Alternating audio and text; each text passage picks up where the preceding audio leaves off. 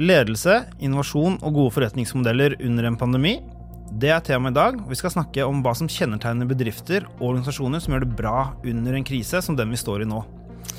Til alles lettelse, tror jeg, så er det ikke jeg som skal gi dere det svaret. Mitt navn er Mats Stokka Blybakken. Jeg er pressesjef i Abelia.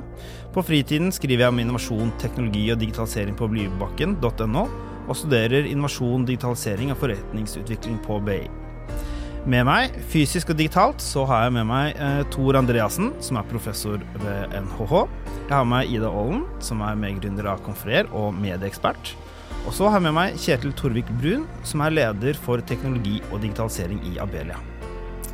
Jeg har lyst til å starte hos eh, deg, Kjetil. Eh, mange har kåret teknologiselskapene som fjorårets børsvinnere. Eh, mange har gjort det bra, selv om det har vært utfordrende for en del. Du er en av de som sitter tettest på teknologi i Norge, vil jeg si, men også har noe som kan ligne et overblikk.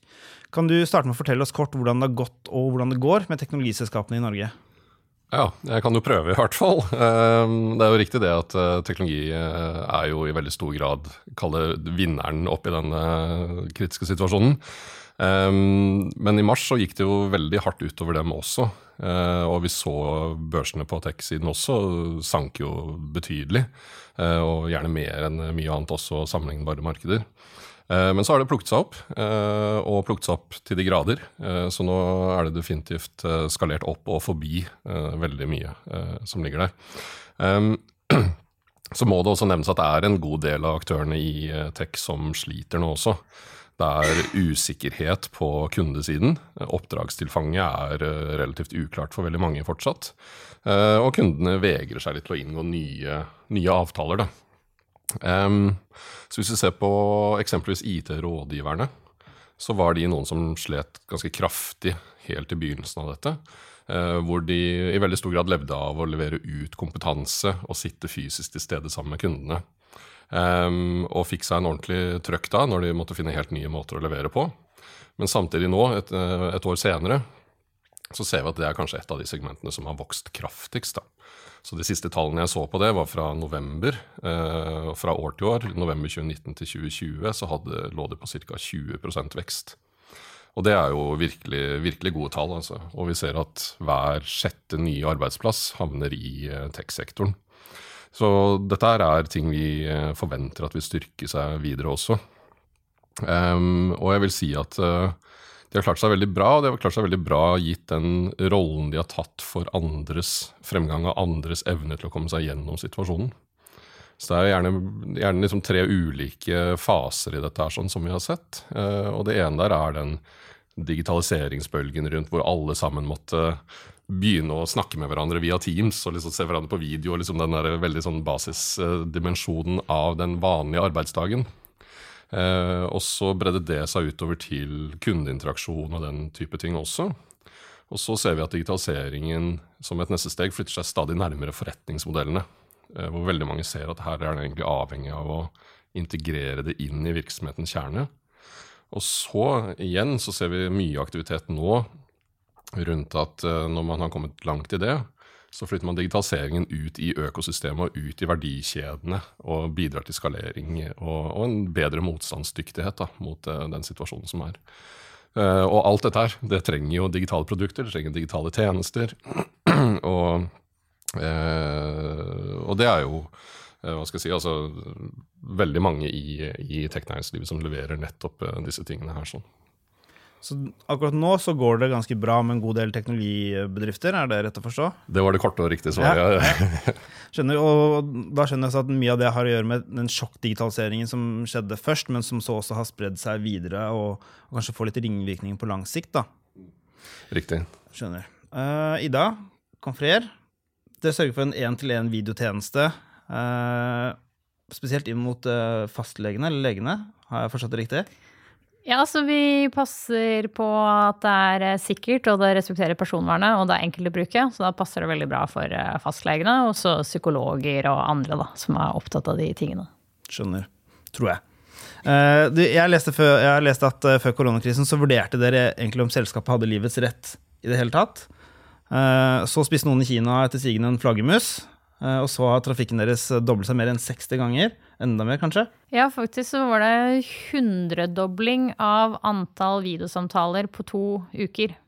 Det, da må du omstille deg ganske fort, for å si det sånn. Det tror jeg på. Kan du ikke si litt om det? Hvordan har det siste året vært? Ja, det var veldig spesielt år som, eh, og for oss i Confrere, og personlig også, så føles det liksom som vært et unntaksår fra unntaksåret. Fordi det er jo et år som jo har vært veldig krevende for veldig mange. Veldig mange som har vært permittert, veldig mange som har slitt. Mens vi har jo hatt den helt motsatte opplevelsen. Og i tillegg så var det jo også et unntaksår for oss, fordi jo før korona så var vi sånn men vi klarer ikke å spre produktet fort nok. Da. Vi kommer til å gå tom for penger i løpet av et halvt år. Eh, hva skal vi gjøre? Eh, så det har jo Og jeg var utbrent store deler av 2020 også, for det var eh, det å ta det skippertaket som er å plutselig tilpasse selskapet ditt 100 ganger så høy aktivitet på to uker, det, det, det, er, litt av, det er litt av en jobb, da. Så man trengte en liten pustepause etter det. Men eh, nei, det var jo egentlig Før eh, korona så hadde vi over 300 eh, fastleger i Norge som var betalende kunder. Og det høres aller først høres det veldig lite ut, men det er mye færre fastleger i Norge enn folk tror. Det er faktisk bare rundt 4500. Og hvis du tenker at hver fastlege har ca. 1000 pasienter, så skjønner man at det går opp. Um, så da hadde vi en markeds ca. 6% av fastlegene. Og så gikk, eh, da Norge stengte ned, så gikk da også Legeforeningen ut, som vi hadde hatt ganske god dialog med før det, eh, og sa, og ga egentlig en sånn marsjordre til fastlegene og sa vi, dere må komme dere på video nå. Eh, og da var det slik at det fantes flere aktører, men vi var den løsningen som var basert på at det fungerte i nettleseren. Du trengte ikke, Det var ikke noen som måtte reise ut på et eller annet kontor og installere noen ting. Liksom, du trenger ikke konferere reparatøren, ikke, trenger ikke å komme inn på bøttekottet på hvert legekontor for å få deg i gang. og sånne installasjoner. De kunne bare trykke på en knapp på nettsiden vår, og så var de i gang på eh, fem minutter. Og det ble jo en enorm fordel når plutselig det var mange tusen fastleger samtidig da, som tenkte at de måtte begynne med. Eh, så da gikk vi fra å ha 6 til 70, altså 7-0 av fastlegene registrert på plattformen vår i løpet av to uker. Og tallene fra Helse- og omsorgsdepartementet tyder på at det var 96% av videokonsultasjonene som ble gjort i Norge i sånn mars og april, skjedde på vår eh, plattform. Det er jo helt utrolig. ja, så det var og så da, gjorde vi det, og så var jeg sykemeldt. da har det gått uh, raskt for seg i svingene der, da. Ja, og det som jo var at før det så hadde jo gått veldig Vi syntes jo det hadde gått veldig langsomt året før, veldig trått. Altså vi hadde jo riktignok klart å gå fra 18 fastleger i november 2019 eh, til da 300 da i januar eh, Nei, november 2018, ja. Til så 2019 så hadde det klart å komme oss fra ca. 18 til 300. Og da hadde vi jo vært veldig mye ute på kontorene hos folk, prata hos folk. Eh, kravla, selv personlig kravla under pulten til mange fastleger, blåst støv ut av USB-portene deres, plugga inn webkamera, fortalt at datamaskinen er ikke i ferd med å bli ødelagt, du bare har Windows 7, så du må installere noen drivere. Sånne ting da, Men det har liksom vært så uh, hands on uh, i hele det året før, gjorde at når den bølgen kom, så kjente vi jo til alle problemene de kom til å møte på. Vi hadde sett dem med egne øyne, vi hadde fått dem beskrevet. Vi hadde ressursene og dokumentasjonen klar. da. Eh, så hvis det hadde skjedd litt tidligere, så tror jeg ikke vi hadde klart å møte dem på overgangen, men vi hadde vært så ute på så mye legekontorer land og strand rundt at vi var forberedt da, på hva behovene deres eh, kom til å være. Men da har det jo vært som du sa, det var en enorm omstilling, spesielt i løpet av kort tid. Mm. Um, hva er det som har gjort at uh, folkene hos dere har klart å håndtere det? Så, uh, så vår um, Jeg er jo en av medgründerne, men vår gründer uh, Svein og daglig leder, han har hele tiden alltid sagt at det er et maraton, ikke et sprint, som vi driver med. Og det gjør at hele tiden Det fins jo veldig mye sånn idealisering av eh, lange arbeidsuker og sånn i startup-verdenen. At liksom for å vinne så må du liksom jobbe døgnet rundt og skal ha 80 timers arbeidsuker. Det har ikke vi holdt på med. Vi har jobba 37,5 timers uke. Vi er opptatt av at folk skal ha balanse mellom eh, jobb og fritid, at folk skal trives, at folk skal ha det bra, at folk skal være trygge. Og det gjorde at når den krisen kom, så hadde folk overskudd. De var ikke på grensen til å bli utbrent allerede. De hadde energi, de hadde stå-på-vilje, de stolte på hverandre, de hadde tillit til hverandre. Eh, og det var veldig en sånn følelse av sånn Husk å ta pauser, jeg kan ta det nå, liksom. Og, altså, det var veldig sånn omsorg folk viste på hverandre. Og jeg tror at hvis vi hadde vært hadde fulgt mer den der startup-klisjeen at man bare skal jobbe, jobbe, jobbe, jobbe, jobbe bare fordi det er det man liksom må, så tror jeg ikke vi hadde hatt overskuddet til å håndtere den krisen når den først eh, skjedde, da. Og så har vi prøvd eh, så fort som mulig å gå tilbake til de mer sånn normale forholdene. Fordi i, i mars og april, da jobba vi ikke 37,5 timers arbeidsuker. Det gjorde vi ikke. Men eh, ja, vi er tilbake der nå. Er det noe spesielt med Du skal slippe å avsløre forretningshemmeligheter her, men er det noe med ved forretningsmodellen deres eller driftsmodellen som du tror har bidratt til at dere har klart å gripe de mulighetene som har kommet? da? Jeg tror jo en ting som uh, er helt sånn generelt for uh, hele IT-bransjen, eller bransjen som lager programvare, er jo i hvert fall det at uh, å gå over til en abonnementsmodell Så vi skal passe oss for å bruke altfor mye forkortelser, men det, SAS, eller Software as a Service, altså man abonnerer, på programvare på en månedsbasis, gjør det Eh, mye enklere for folk å prøve ut et produkt, se om de trenger det. og så, Det senker terskelen for å prøve nye ting, da, og det var den forretningsmodellen vi hadde. Vi hadde, trengte ikke å selge en lisens for liksom 10 000 kroner som en bindingstid på så og så lang tid. Det er ikke den modellen vi har, da. Eh, og det gjør det jo eh, Det som er bra med en sånn type forretningsmodell, er jo også at vi, våre interesser og kundens interesser blir på en måte på linje. ikke sant? For hvis kunden bruker det mer, så må det være fordi det er, de syns det er mer nyttig, men da tjener vi også mer. Men hvis man selger sånne engangslisenser, så vil på en måte vi ha en eh, insistere på liksom at ja, hver gang vi utbedrer noe eller lager noe nytt, så skal vi si at ja, du må betale ekstra for å oppgradere til versjon 2.0 eller til versjon 3.0 osv. Mens når vi har denne løpende abonnementsmodellen, så har vi et insentiv til hele tiden rulle ut forbedringene i produkter, slik at vi holder på kundene så de fortsetter å abonnere. Um, og da er det lettere å prøve ting og, og, prøve å være innovativ enn hvis man er basert på et sånn enkeltsalgene av lisenser. Da. Men det er jo ikke noe vi har kommet opp med, det er jo en generell trend i softwarebransjen. Men det, særlig helsesektoren, da, så er det veldig mye av resten av helsesektoren sitter igjen i en litt ja, la oss kalle det, si gammeldags, gammeldags modell for hvordan man selger uh, programvare. Da. Altså. Det er jo ingen som går og kjøper Windows eller sånn lenger. Det har vi jo gått bort fra ellers i programvareverden. Det, det har man jo. Jeg vet jo at jeg har sett noen tall på um, Det gjelder jo internasjonalt, men at da koronakrisen traff, så var det et digitalt etterslep på helsesektoren på 10-15 år. Mm. Uh, så jeg, jeg, tror på det, virkelig på det du sier. Um, Tor, uh, er det Ida sier er gjenkjennbart for flere? Er det noe du ser lignende konkurransefortrinn hos andre bedrifter som har klart å håndtere krisen godt? Yes. Så det er egentlig 2020 som er sånn en medisinsk katastrofe. Det er jo et innovasjonsgullår.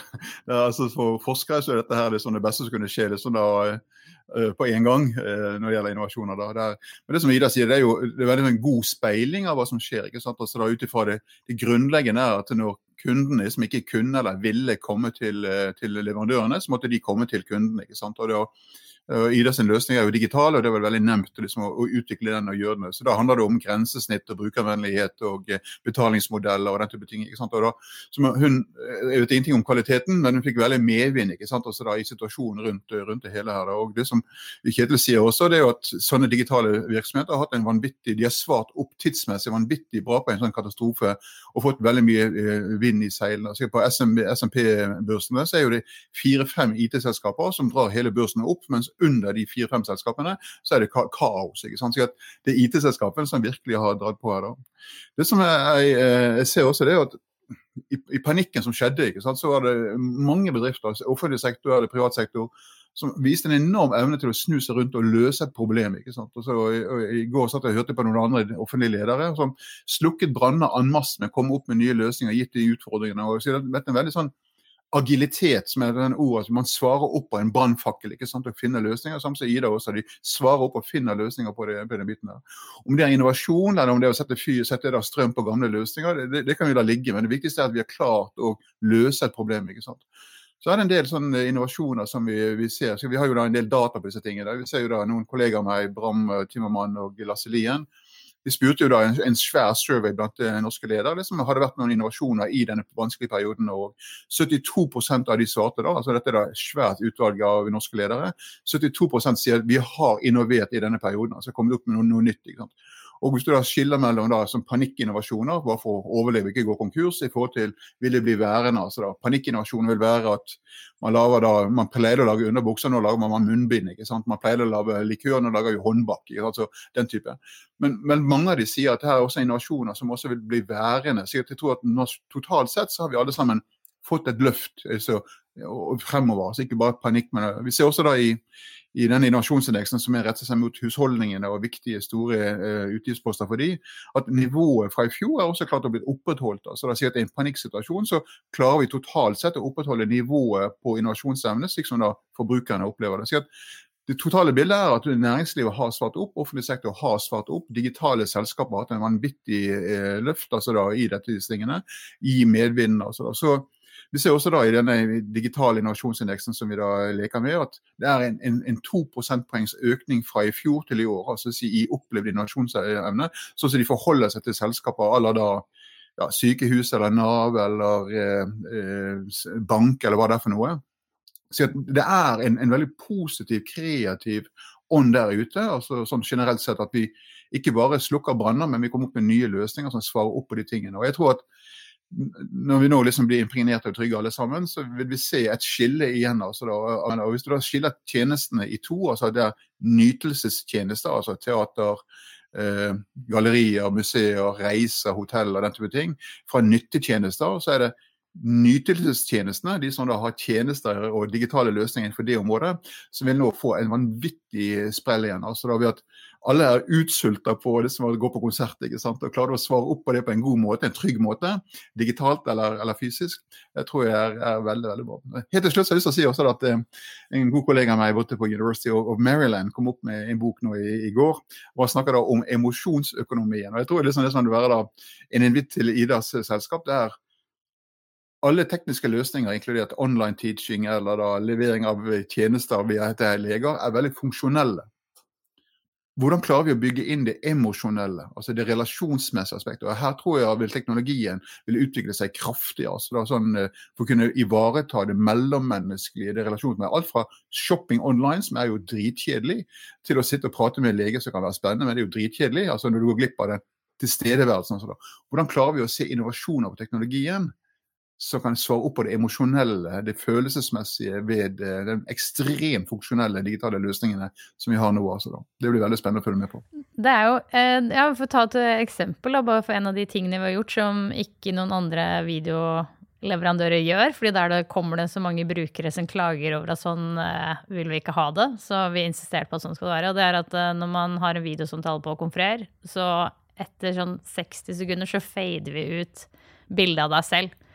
For det som alle kan kjenne seg igjen i når man har videosamtale, eh, så ender man opp med å sitte og se på seg selv. Og jeg tror ikke det er fordi at eh, vi er selvopptatte. Jeg tror det er fordi at eh, når vi prater med folk ellers, så søker blikket vårt rundt, og så møter vi da blikket gjerne til den som ser mest engasjert ut. Men når du sitter i en videosamtale og ser deg selv, så er det jo du som prater. Så du er jo det ansiktet som har mest mimikk, og som du ender opp med å se på.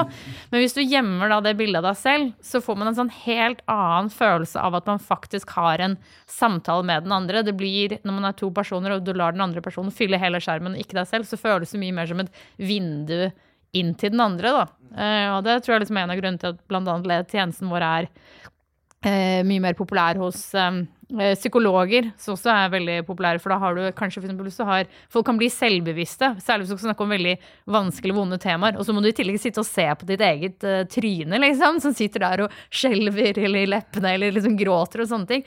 Det gjør at man uh, Istedenfor å se et vennlig fjes liksom, som nikker og eh, møter tilbake. Så det er sånne litt sånne små ting også som Hvis man skal prøve være, være innovativ og eh, gi litt F i hva, hvordan alle andre gjør det, og si at vi tror det er bedre å gjøre det på den måten, og at man kan belønnes for det da, over tid. Det tror jeg er en veldig god, god observasjon. ikke sant? Altså, det er på en sånn akkurat igjen, vi lærer oss disse tingene som går fremover. For jeg mener vi har gjort akkurat det samme feilen som mediebransjen gjorde. De satte bare strøm på avisen, og så hadde de digitale løsninger.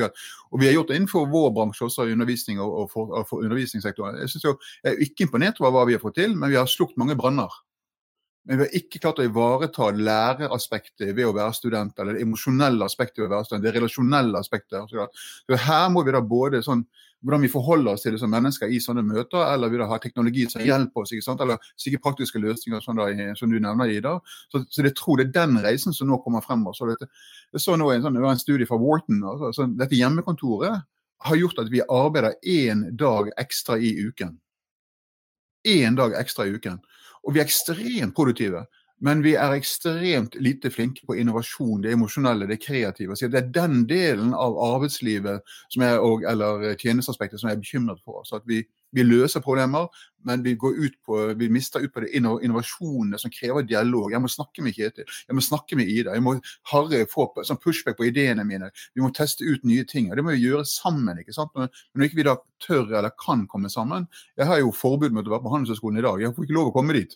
Jeg må sitte der på en hybel. ikke sant? Da, og, når jeg ikke kan snakke med kollegaene mine, så blir det stusslige tanker som surrer rundt i eget hode. og det er det vi må finne løsning på for å ivareta det kreative, innovative i disse tidene som kan kanskje være permanent. Jeg tenker jo også at der har vi jo, Det er ganske mye spennende selskap som dukker opp uh, for å adressere nettopp de områdene der. sånn. Uh, jeg liker å, å si, kalle det inkluderende innovasjon. Um, hvis du ser på No Isolation, f.eks., som nettopp har jo satt seg som mål å, å, å ta tak i ensomhet. Og hvordan, hvordan lykkes man med det? Og da blir det et annet aspekt der sånn også, som dreier seg om, om hvordan er det vi kan sørge for at flest mulig er med på dette også. Eh, for vi kan hele tiden snakke om de mest spenstige innovasjoner og de største liksom, grepene og den kuleste teknologien. Men det der med å faktisk få med massene i dette, eh, få med alle. Uh, og det er jo engang sånn i Norge at vi har en fantastisk god ekom-infrastruktur også, men det er faktisk ikke alle som er kobla til nett. Mange har også litt for dårlig nett for å kunne ta i bruk videotjenester og andre typer ting. Så det er med å, å både adressere liksom ensomhetsdimensjonen, den der inkluderende innovasjonen, og også sørge for at alle sammen faktisk har de premissene som skal til da, for å være kall det digitalt inkludert da, i, i, dagens samfunn. Det, det tror jeg blir veldig viktig område fremover.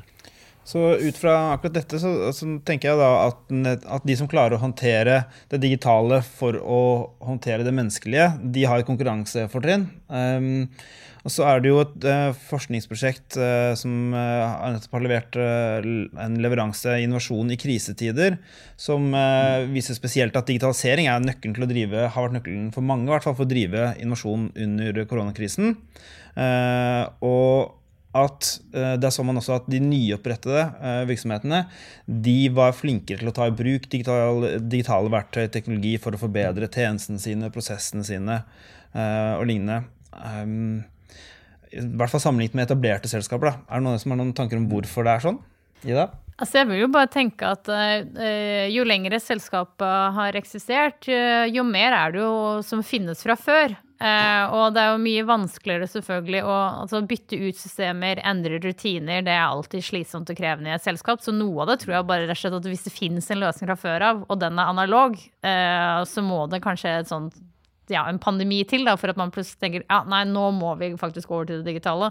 Mens eh, sånn som mitt eget selskap, vi har jo starta i vi starta i 2017, og i starten så hadde vi jo ikke noe kontor. ikke sant? Og vi har jo ikke egentlig hatt, så har vi egentlig aldri hatt et kontor. Så vi har jo vært rigget for sånn typ sånn, sånn som alle har jobbet under pandemien. Det har vi gjort siden 2017, men det var jo bare fordi at eh, det var den enkleste måten å da få opp en slags sånn infrastruktur og rutiner og systemer i 2017 var jo på en måte å gjøre det digitalt i utgangspunktet. Så det er jo ikke det at vi da eh, var så mye mer omstillingsdyktige. Vi bare hadde ingenting fra før av, og da lagde vi det på internett først. Ja, Litt flaks skal man ha. Jeg tror også det er veldig godt sånn uh, speiler det at vi, Er det noe vi er flinke på i Norge her, av mange ting, altså, er det det med produksjonseffektivitet. altså Vi klarer å løse opp, og holde butikken gående. ikke sant, altså da, Når det er ting uh, som er da enten vanskelig eller, eller i ordinær drift. altså jeg tror hele fremveksten av de enorme industrimaskineriene vi har, som er Elkem, Yara, Hydro, Equinor altså, Det er en sånn industriell kompetanse på å drive ut ineffektivitet i markedet hvor prisene er gitt. Og nå plutselig så står vi overfor at vi kan skape markeder. Vi kan liksom gjøre noe med løsningene ned mot kundesiden. altså som flytter fokuset litt. Og Jeg tror det er, der, det er der det kommer til å skje vanvittig mye nå. altså Ikke nødvendigvis teknologi for å øke effektivitet, men for å skape verdier. altså Mot da kunder, sluttkunder eller kunder. Altså. Og jeg tror Der vil det være da ganske mye trening og øving nettopp å flytte fokuset fra da dette industrielle til det mer markedsmessige. Hvordan kan en løsning til Ida liksom bety enda mer for psykologer eller leger eller lærere i sin coaching? En av drømmeløsningene mine er jo at jeg har sånn Oxford tutoring-løsning overfor studentene mine. Jeg kan samtale med dem. Altså, uten det så kan de komme til meg, men da må jeg ivareta disse tingene. Jeg tror det vil være vanvittig verdifullt altså, da, i det. Bare hele shoppingsbiten, altså, som nå vanligvis er jo forbundet med sosiale aktiviteter. Man går da og shopper sammen med andre mennesker, kanskje en weekend. Hvordan kan vi ivareta det elementet da i en online-platting? altså så vi får inn disse tingene. og jeg tror at det Der vil være vanvittig mye betalingsvilje, og også det stor etterspørsel etter slike løsninger. Og jeg tror også noe av Forskning tyder på at det er mer faktisk å hente for bedriftene å innovere i nedstrømsaktivitetene enn i oppstrømsaktivitetene. Så da kan vi bidra til å flytte det fokuset, at vi tar teknologien i bruk for å realisere verdier fremfor å redusere kostnader. Så da, jeg tror det er en sånn tankemindset altså, som noen av oss har begynt på. Spennende. Kjetil? Det er noen andre perspektiver inni dette også. Det er jo på den ene siden, altså vi, har jo, vi har jo hatt en sånn uh, oljedopet økonomi i veldig lang tid. Da, uh, og vært utrolig heldige med det og hatt god råd. Uh, veldig mange virksomheter har vært innrettet mot det, for det, det har vært en veldig høy betalingsvilje og betalingsevne der. Um, og det har gjort at vi har kunnet være tidlig ute på ganske mye av teknologiimplementeringen eh, rundt omkring i næringslivet, og offentlig sektor og andre steder. Um, men det gir en del legacy-utfordringer. Um, og vi kommer gjerne litt tidligere til en del av de legacy-utfordringene enn mange andre steder.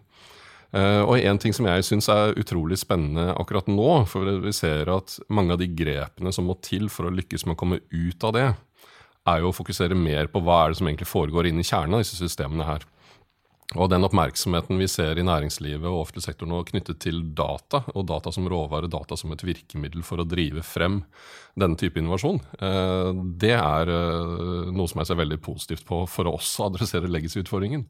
For vi har jo eksempelvis har vi liten tradisjon i Norge for å stille sterke krav til at vi skal ha systemer som snakker godt med hverandre, at vi har åpne API-er, liksom åpne standarder, den type ting. Eh, det har vært relativt lite utbredt tidligere i, i Norge. Eh, men det ser vi helt klart vekkes nå. Um, og vi hadde jo For et års tid siden så hadde vi eh, en, eh, en rapport sammen med NHO og Menon Economics som så litt på hvor utbredt er egentlig data som råvare. Hvordan er verdiskapingen i det? hvor viktig er det egentlig for det norske samfunnet? Og Der fant vi faktisk at det var 100 000 jobber eh, som var del av den verdiskapingen, og 150 milliarder kroner eh, i 2020 og med potensial for å doble seg innenfor de neste ti årene. Og jeg tror det er et for forsiktig anslag også. Um, og da begynner vi å snakke ganske store, store penger i det. Um, men, men, dette data som verktøy for å omgå legacy-utfordringer, der, der, ser vi at også plattformmodellene vil kunne være avgjørende. Så vi ser, uh, Hvis vi ser i denne innovasjonsindeksen som, som Tore har lagt frem også, så ser man jo en del eh, fellestrekk der som blant de som kommer høyt opp. I hvert fall gjør jeg det. Så får Tor arrestere meg hvis han eh, mener noe annet. Men, eh, men, det nettopp med at de setter data i kjernen. Det er ikke alle selskapene på toppen man kan kalle det plattformer. altså Netflix og HBO ville ikke jeg kalt plattformer. Men uh, Airbnb ville jeg definitivt gjort det, uh, som er uh, opp, høyt oppe der. Og Skandia, nei, Skandiabanken, det var det gamle navnet. S-banken. de jobber definitivt med å komme dit. da. Um, og der, har, der, kan du være inne på dette økosystemet som Thor snakker om. Hvor dataen fungerer som en sånn kall liksom gjensidig verdiskaper. Eh, og hvor du får automatisert og skalert i mye større grad. Da. Hva tenker du, Tor? Disse selskapene som ligger i toppen av den digitale innovasjonsindeksen, har, ser du noen fellestrekk hos dem, eller? Ja, ja eh, Kjetil har lest det veldig riktig og tenkt veldig riktig. Jeg har gjort samme refleksjoner, så jeg har liksom ikke noe mer intelligent å tilføre der. Men det er, sånn, det er liksom to, to essenser med Skandiabanken som da kom til Norge da i, i, i LS-banken da i 1993. De kom jo med da en forretningsmodell som var vi skal ikke ha forretningslokaler, vi skal ikke ha eh, distribusjonsapparat. Vi skal ha ren online-bank. Og Det er et vanvittig verdivalg. ikke sant? Så da, samtidig, så da får de også en betydelig eh, digital kompetanse. Altså, så De har jo da øvd siden 93 på å bygge seg opp den kompetansen. Samtidig har de hatt da kulturelt en ekstrem sånn kundesentriskhet. altså det si at Kobler du da kundesentrisk med digital kompetanse, så kommer gode løsninger i hverdagen. altså da, og, og, og, Det er ikke alle løsninger som S-banken har liksom vært sånn wow, stopp forsiden, CNN må komme mye av det er hverdagsinnovasjoner, forbedringer, poleringer. De flytter litt an det, så de gjør seg liksom da, løser hverdagsproblemer, så det blir litt bedre tid for meg. også da, litt bedre hverdag. Og til Ida, Sammen med, med, med Idas logikk også, det er ikke liksom for å gjøre eh, legene mer effektive. Nei, det er meg som pasient blir mer effektiv. Altså, klarer du med, med, de løsningene, altså de digitale løsningene for, for, ulike segmenter å kunne svare opp? Altså, da, da ser vi at det, det, eh, Hvis du da tar det, de unge segmentet, så har de et helt annet informasjonsbehov, helt annen dialog eller med tjenesteytere enn de som har det midt i livet, som har det kaos i livet med hensyn til barn og, og omsorg opp og ned. ikke sant? Og, hvor tid er den knappeste faktoren. Og så har du da de som er da eldre, som har da helt andre preferanser. Vi ser jo da, Når vi begynner å analysere segmenter og bransjer, at det er veldig forskjelligheter mellom disse segmentene. at ideen også om at one size doesn't fit all. altså si at Idas løsning er nødvendigvis ikke ideell for eldre mennesker. er nødvendigvis ikke ideell for de midt i livet, men det kan være perfekt for de unge, eller vice versa. Så det å, å nyansere det. vi vet jo at eldre mennesker er mye mer relasjonsorienterte altså enn en de som er midt i livet. som er mye mer effektivitetsorienterte i forhold til de unge som er mye mer digitale. ikke sant? Og Bare det å svare opp på løsninger der som gir da hverdagsløsninger bedre for meg, er hele poenget. Ikke gjøre legene effektive, gjøre livet bedre for meg som kunde. Det er det som ofte forklarer de som ligger på toppen av disse indeksene. Ikea, Stoneberg eller S-banken. Mm, jeg må være vanskelig å karolere, for jeg er ikke ja. enig. Vi må ha litt temperatur. Ja. Nei, men eh, det som jo er, er Det er jo helt sant eh, For pasienter, alle syns jo det virker behagelig og enkelt, og alle oss syns det virker enklere å snakke på video enn å skulle dra til legekontoret. Og det har jo gjort at uh, andre har jo ofte syntes at ideen i vårt selskap var god. Men det er jo nettopp fordi at det, det ikke var noen umiddelbar åpenbar fordel for legene at det jo gikk så langsomt som det gjorde. For hvorfor skal en lege som har utrolig mye å gjøre, de jobber vanvittige arbeidsuker, Eh, venterommet er fullt av pasienter. Eh, hvorfor skal de gidde å sette seg ned og sette seg inn i et nytt IT-system når de har arbeidsoppgaver opp til hit? Det var helt rasjonelt og helt riktig av dem å ikke prioritere videokonsultasjoner. Jeg skjønner at de ikke prioriterte, og de hadde viktigere problemer enn video. Eh, men, grunnen, men samtidig, hvis vi ikke hadde skrudd hele den løsningen rundt om at det skulle være effektivt for legene, så hadde de jo aldri heller giddet å bruke det så mye. Og de fortsetter jo å bruke det. Det kom faktisk en studie i går publisert i Akademisk eh, medisinsk tidsskrift, publisert av norske leger som har sett på eh, hva norske leger sier. Og de har jo brukt Confer, som kommer fram til at dette vil de fortsette å bruke etter pandemien. Og dette er like bra eller bedre Eh, i over 50% av tilfellene enn fysiske konsultasjoner, da, mener da eh, legene i den undersøkelsen. Men eh, da har vi jo nettopp eh, fokusert på f.eks. Når vi har skrudd det rundt, så er det sånn at hvis du eh, ringer meg en telefon, da, så kan vi ringe hverandre. Eh, men hvis vi hadde lagd videosamtaler på den samme type logikken for fastleger, kan du tenke deg at du sitter på legekontoret, du har masse pasienter, og så hver gang en pasient vil snakke med deg på video, så begynner du å ringe og dure fordi pasientene vil. Det vil ikke fungere. Så isteden så er det f.eks. da skrudd rundt arbeidsflyten til eh, fastlegen. Vi har lag, tatt et valg, når lagd en plattform, og sagt vet du hva, fastlegens tid dessverre er viktigere enn pasientens tid. Det er pasienten som må vente. For hvis ikke så kommer ikke fastlegen til å bruke. Det kommer ikke til å fungere i arbeidsflyten til fastlegen. Så det er som på legekontoret. Du får beskjed om at du er nummer to i køen. Nå er det din tur, nå kan du komme inn, da. Så en del, og Samtidig så er det også det med at uh, digitale ting ikke skal fungere uh, for eldre folk. Uh, det er en selvoppfyllende profeti. Hvis vi sier at digitale ting ikke kan funke for folk som er i 70-åra eller 80-åra eller 90-åra, så er det ingen som kommer til å gidde å prøve å gjøre det brukervennlig for dem en gang. Eh, og det er en av grunnene til at vi faktisk har lyttet. Kan, eh, I Dagbladet så var det faktisk en fastlege som seg selv gikk ut og skrev en kronikk og skrev selv mine 80 år gamle pasienter bruker det, eller noe i den grunnen, etter å ha brukt Confrer. Og da er det jo fordi vi har nettopp tatt oss tiden til å teste det da, med folk som er uh, godt voksne. Så jeg har jo f.eks. vært uh, Når vi har eh, jobba med å få konferert til å funke, og dette gjorde vi jo før pandemien skjedde, så har f.eks. når vi hadde på Tøyentorget gått liksom, og besøkt Fontenehuset og kjelleren på biblioteket der og sagt sånn Hei, har du 200 kroner til overs? Altså sånn, ja, men jeg har ikke noen smarttelefon. Så jeg sagt det går bra, det burde funke for deg også, vi låner deg en smarttelefon. Så det er liksom det nivået vi har sagt. For hvis, hvis vi tenker hvis det skal fungere for fastlegene, så må de være trygge på at det fungerer for pasientene deres. Og hvem er pasientene? Pasientene er jo i overveiende grad de som er eldre, ikke sant? og som har kroniske sykdommer. Eller for eksempel, har inngått nå Nå gikk jeg inn veldig inn i rant mode, jeg beklager. Men skal, du skal, få, få rante litt uh, til, Ida. Ja, men for å ta et eksempel også. Når vi nå utvikler, utvider, gruppe, utvikler gruppesamtaler, så gjør vi det i et samarbeidsprosjekt med Sunnaas sykdom, nei, Sunnaas, sy, sykehus, eh, hvor bl.a. en av gruppene som da er pilotgrupper nå, er eh, avdelingen med de som har kognitiv svikt. eh, som driver og har avstandsoppfølging og sånne ting. Så vi tenker sånn Hvis vi sier at nei, men det må være tech-savvy for å bruke videosamtaler, så kommer aldri videosamtaler til å være noe som funker for alle. Og jeg tror aldri vi når målet om alle, men vi må ta det som utgangspunkt at det skal. Vi har ikke prøvd hardt nok å få det til å være enkelt å bruke. Eh, vi må hele tiden ha det målet, da. Det tror jeg har vært liksom grunnleggende for at vi faktisk har lyktes. Føles det godt?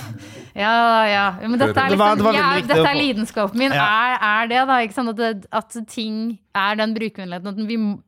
Hvorfor skal det ikke funke for de som er eldre? Hvorfor må det være sant? Kan vi få det til å slutte å være sant? Det er liksom det som har vært eh, drivkraften min da, gjennom det prosjektet. Og her, her tror jeg vi toucher inn på noe som er veldig viktig. Her skal jeg legge inn et eh, godt og sterkt ord hos eh, produsenten min om at vi får lov til å mm, touche mer inn på dette. Det Om det er i podkastformat, Clubhouse-format eller hva som er det neste. Men vi skal begynne å gå inn for landing, og jeg har lyst til å stille alle et spørsmål som dere skal få utfordringen om å svare kort på. Lykke til, Kjetil. Eh, det er å nevne én ting som kjennetegner en bedrift som klarer å vokse under kriser som den vi står i, og som vi forhåpentligvis er på vei ut av. Hva er den ene tingen som dere vil, eh, vil ta opp? Starter hos deg, Tor. Vil du ha navn på en bedrift, eller bare hva som kjennetegner de? Hva som, hva som kjennetegner en sånn type bedrift? Jeg, øh, med fare for å drive reklame, så øh, vil jeg fremheve Ikea som er da et eksempel. som får da en dyp krise her for et par år siden til å snu seg rundt altså da med forretningsmodell, innovasjon. øh, og Da tenker jeg bare i produktsortimentet, men også da hvordan de bruker teknologi for å visualisere. De bruker en annen mekanisme for å fange, fange verdier altså gjennom prismekanismen. Du kan leie, ikke bare kjøpe. De kan også reselge produkter for deg osv. Så, videre. Så jeg må si at det er en bedrift som øh, arbeider på en rekke fronter, ikke bare på én digital front, f.eks. VR eller augmented reality, men de arbeider på det sosiale ESG-området, de arbeider i det kommersielle markedsområdet, de arbeider i det digitale området. og Det er summen av dette her da, pluss organisasjonskultur som gjør at de, de hele tiden er på toppen. Altså. Det er interessant å se at noen virksomheter er på alle de tre toppene som vi har, og det er fantastiske virksomheter da, som jobber på en bred front av ting. altså Ikke bare teknologisporet, men også da det humane organisasjonssporet også. Takk skal du ha. Kjetil? Det var én bergensk ting, var det det? Mm -hmm. Kjempe, kjemperelevant det han sier, og det var, si, det var fristende å si mye av det samme. Eh, Men eh, skal jeg si en annen ting, så er det vel i utgangspunktet kompetanse. Eh, hele, altså, de, de virksomhetene som lykkes, de preges også av at det er folk som er kunnskapstørste. Uh, de fanger opp det som skjer der ute. De, de ligger i front i utviklingen. Man trenger ikke alltid å bruke den mest high-tech løsningen. Men du må forstå den teknologien som ligger i bunnen der, sånn, for å være en god skaper av disse forretningsmodellene og, og gode løsningene, og ikke bare brukere av, eh, av andres. Så det er veldig viktig. Uh, For øvrig selvfølgelig at vi er medlem av Abelia. Da. Selvfølgelig. Ida? Jeg tror jeg vil trekke fram um, psykologisk trygghet. Eh, hvis man er på en arbeidsplass hvor eh, man er redd for å dumme seg ut, eller for å få kjeft, eller for å få mislykke, for å mislykkes og de tingene, så tør ikke folk å komme ideene sine. Og andre blir også redd for å komme med innspill til hvordan ideen kan bli veldig enda bedre, fordi da kommer de til å tro at den andre tror da at jeg rakker ned på ideen eller kjefter på dem, eller hvor folk er redd for lederne sine eller, eller hverandre. Da er det veldig vanskelig å komme opp med nye ideer. Så psykologisk eh, trygghet eh, gjør det enklere å komme opp med nye og bedre løsninger. Det var et godt svar. Enig. Veldig enig. Eh, så jeg, jeg har notert meg flere ting når det gjelder eh, hva som kjennetegner den type selskap og organisasjoner som klarer å håndtere og kanskje skape vekst i kriser som den som vi er i. Er i. Da vi har vært innom forretningsmodeller, prismodeller, vi har vært innom kultur, da både sprint og maraton, eh, men psykologisk eh, trygghet. Digitale evner, altså evnen til å bruke teknologi, som du var inne på, Tor, på flere fronter for å fange verdi. Eh, ikke minst kompetanse. Er det andre som har tanker og meninger om dette, så er det bare å gi en lyd. Vi går nå inn for landing. Jeg har lyst til å si tusen takk til dere som har vært med. Tor Andreassen, Ida Aalen, Kjetil Torvik Brun. Eh, Jeg har lyst til å si tusen takk til produsent Tonje Ørnholt og teknisk ansvarlig Oslo Business Forum. Så skal jeg ikke si takk til meg, men jeg skal i hvert fall si takk for meg. Ha det bra.